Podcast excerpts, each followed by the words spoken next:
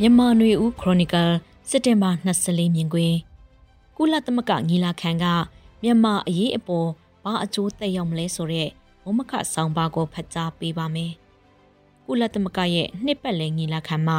ကုလအတွင်းရေးမှူးချုပ်အာဆီယံနိုင်ငံတွေနဲ့အခြားသောနိုင်ငံတွေကမြန်မာအရေးနဲ့ပတ်သက်လို့ဘာတွေပြောဆိုပြီးဒီလိုပြောဆိုမှုတွေက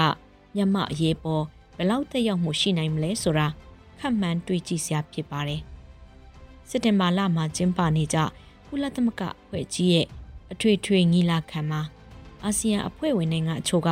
မြန်မာနိုင်ငံရဲ့ပြည်ပခါဟာဒေသရင်းနိုင်ငံတွေကိုတက်ရောက်မှုအများကြီးရှိနေပြီးဒေသတွင်ကအာဆီယံအဖွဲ့အနေနဲ့မြန်မာနိုင်ငံမှာအကြမ်းဖက်မှုတွေရပ်တန့်သွားရဲ့အတွက်ထပ်မံဖိအားပေးလှုံ့ဆော်ဖို့တိုက်တွန်းခဲ့ကြတာဖြစ်ပါတယ်။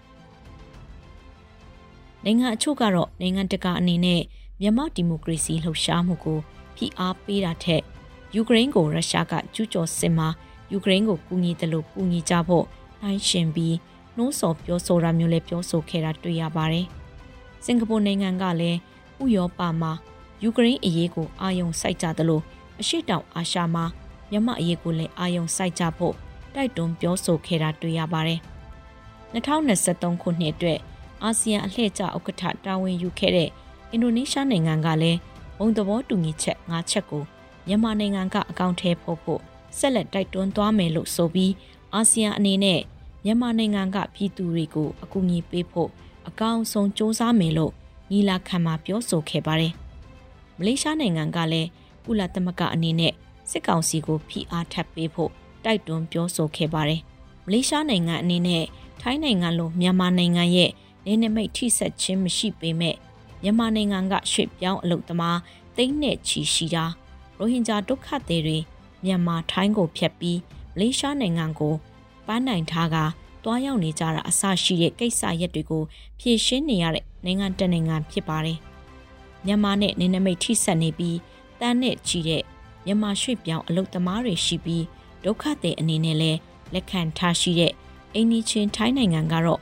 မြန်မာနိုင်ငံနဲ့ပတ်သက်လို့ လူသားချင်းစာနာမှုအကူအညီဆိုင်ရာကိစ္စတွေဆက်လက်ကူညီသွားဖို့အကောင်းဆုံးလုပ်ကင်နေတဲ့အချက်ကိုသတင်းထောက်တွေမြင်မြင်ရမှာပြောဆိုခဲ့လို့ဆိုပါတယ်။ထိုင်းနိုင်ငံရဲ့စစ်တပ်ဟာမြန်မာစစ်ကောင်စီခေါင်းဆောင်တွေနဲ့ရင်းနှီးတဲ့စစ်ဆိုင်ရေးရှိနေတာဖြစ်ပြီးမြန်မာနိုင်ငံဖက်ကအတိုက်အခံလှုပ်ရှားသူတွေအမျိုးသားညီညွတ်ရေးအစိုးရရဲ့အဖွဲ့ဝင်တွေနဲ့ထောက်ခံကူညီသူတွေကထိုင်းနိုင်ငံထဲမှာနေထိုင်နေကြတာဖြစ်လို့မြန်မာစစ်အာဏာသိမ်းမှုကိုထောက်ခံတာ ကန့်ကွက်တာဆိုတဲ့အဖြူအမဲဆက်ဆံရေးမျိုးထက်စစ်ဘက်ကဆက်ဆံရေးနဲ့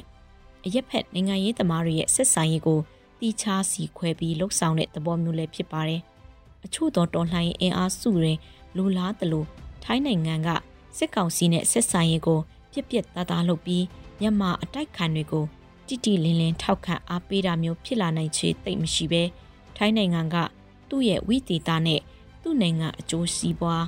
သူ့မူဝါဒကိုသူချမှတ်ပြီးမြန်မာနိုင်ငံနဲ့မြန်မာအတိုက်ခိုက်အင်အားစုတွေပေါ်ဆက်ဆံနေတဲ့သဘောမျိုးလို့ဆိုရမှာဖြစ်ပါတယ်။မကြခင်လပိုင်းတွေအတွင်းကရွေးကောက်ပွဲကျင်းပပြီးအစိုးရဖွဲ့လိုက်တဲ့ခွေထိုင်းပါတီရဲ့မြန်မာပေါ်မူဝါဒက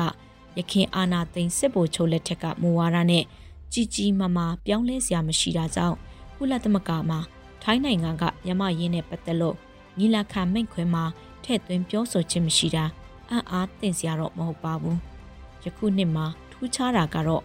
အင်အားကြီးနိုင်ငံလည်းဖြစ်မြန်မာအိန္ဒိချင်းနိုင်ငံလည်းဖြစ်တဲ့တရုတ်နိုင်ငံနဲ့အိန္ဒိယနိုင်ငံတို့ကမြန်မာနဲ့ပတ်သက်တဲ့အကြောင်းအရာတွေကိုညီလာခံမှာပြောဆိုခြင်းမရှိခဲ့ကြတဲ့အချက်ပဲဖြစ်ပါတယ်တရုတ်နိုင်ငံဟာထိုင်းနိုင်ငံလိုမြန်မာဒုက္ခသည်တွေကိုလက်ခံထားတဲ့နိုင်ငံမဟုတ်ပေမဲ့မြန်မာစစ်ကောင်းဆောင်တွေနဲ့ထိတွေ့ဆက်ဆံမှုတွေရှိနေသလိုဒိုင်းသားလက်နက်ကင်အဖွဲ့အချို့ပေါ်မှာ ဩဇာရှိတဲ့နိုင်ငံဖြစ်ပြီးမြန်မာနိုင်ငံကိုဖျက်ကျော်သွေးတန်းထားတဲ့ရေနာနဲ့တဘာဝတန်းွက်ပိုင်လိုင်းတွေရှိသလိုအခြားသောရင်းနှီးမြှုပ်နှံမှုတွေလည်းရှိတဲ့အိမ်နီးချင်းအင်အားကြီးနိုင်ငံဖြစ်ပါတယ်။တရုတ်နိုင်ငံကမြန်မာအရေးမှာရှုမြင်ပုံနဲ့တိုက်တွန်းပုံတွေကရှင်းရှင်းလင်းလင်းနဲ့လူသိရှင်ကြားမရှိဘဲရေဘူးရအားဖြင့်တော့အာဆီယံရဲ့ဥဆောင်မှုကိုသဘောတူလက်ခံထားသလို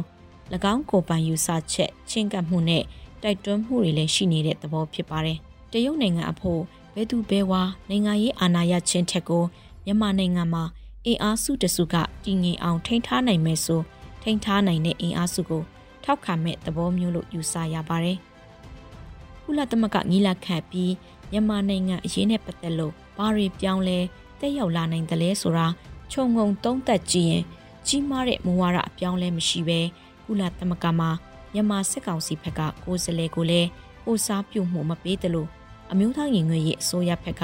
ကိုယ်စားလှယ်ကိုလည်းကိုစားပြုမှုမပေးဘဲစစ်အာဏာမသိမ်းမီခန့်အပ်ထားခဲ့တဲ့မြန်မာနိုင်ငံရဲ့ကုလတန်မတ်ဦးကျော်မိုးထွန်းကိုဆက်လက်တာဝန်ပေးမှုအနေနဲ့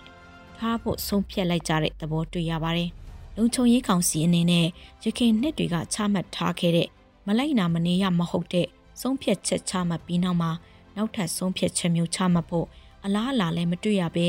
ဝီမတိဒုံမကြိုအနေအထားမျိုးဆက်လက်ဖြစ်ပေါ်နေမယ်လို့ခန့်မှန်းတွက်ဆရပါတယ်ရှင်။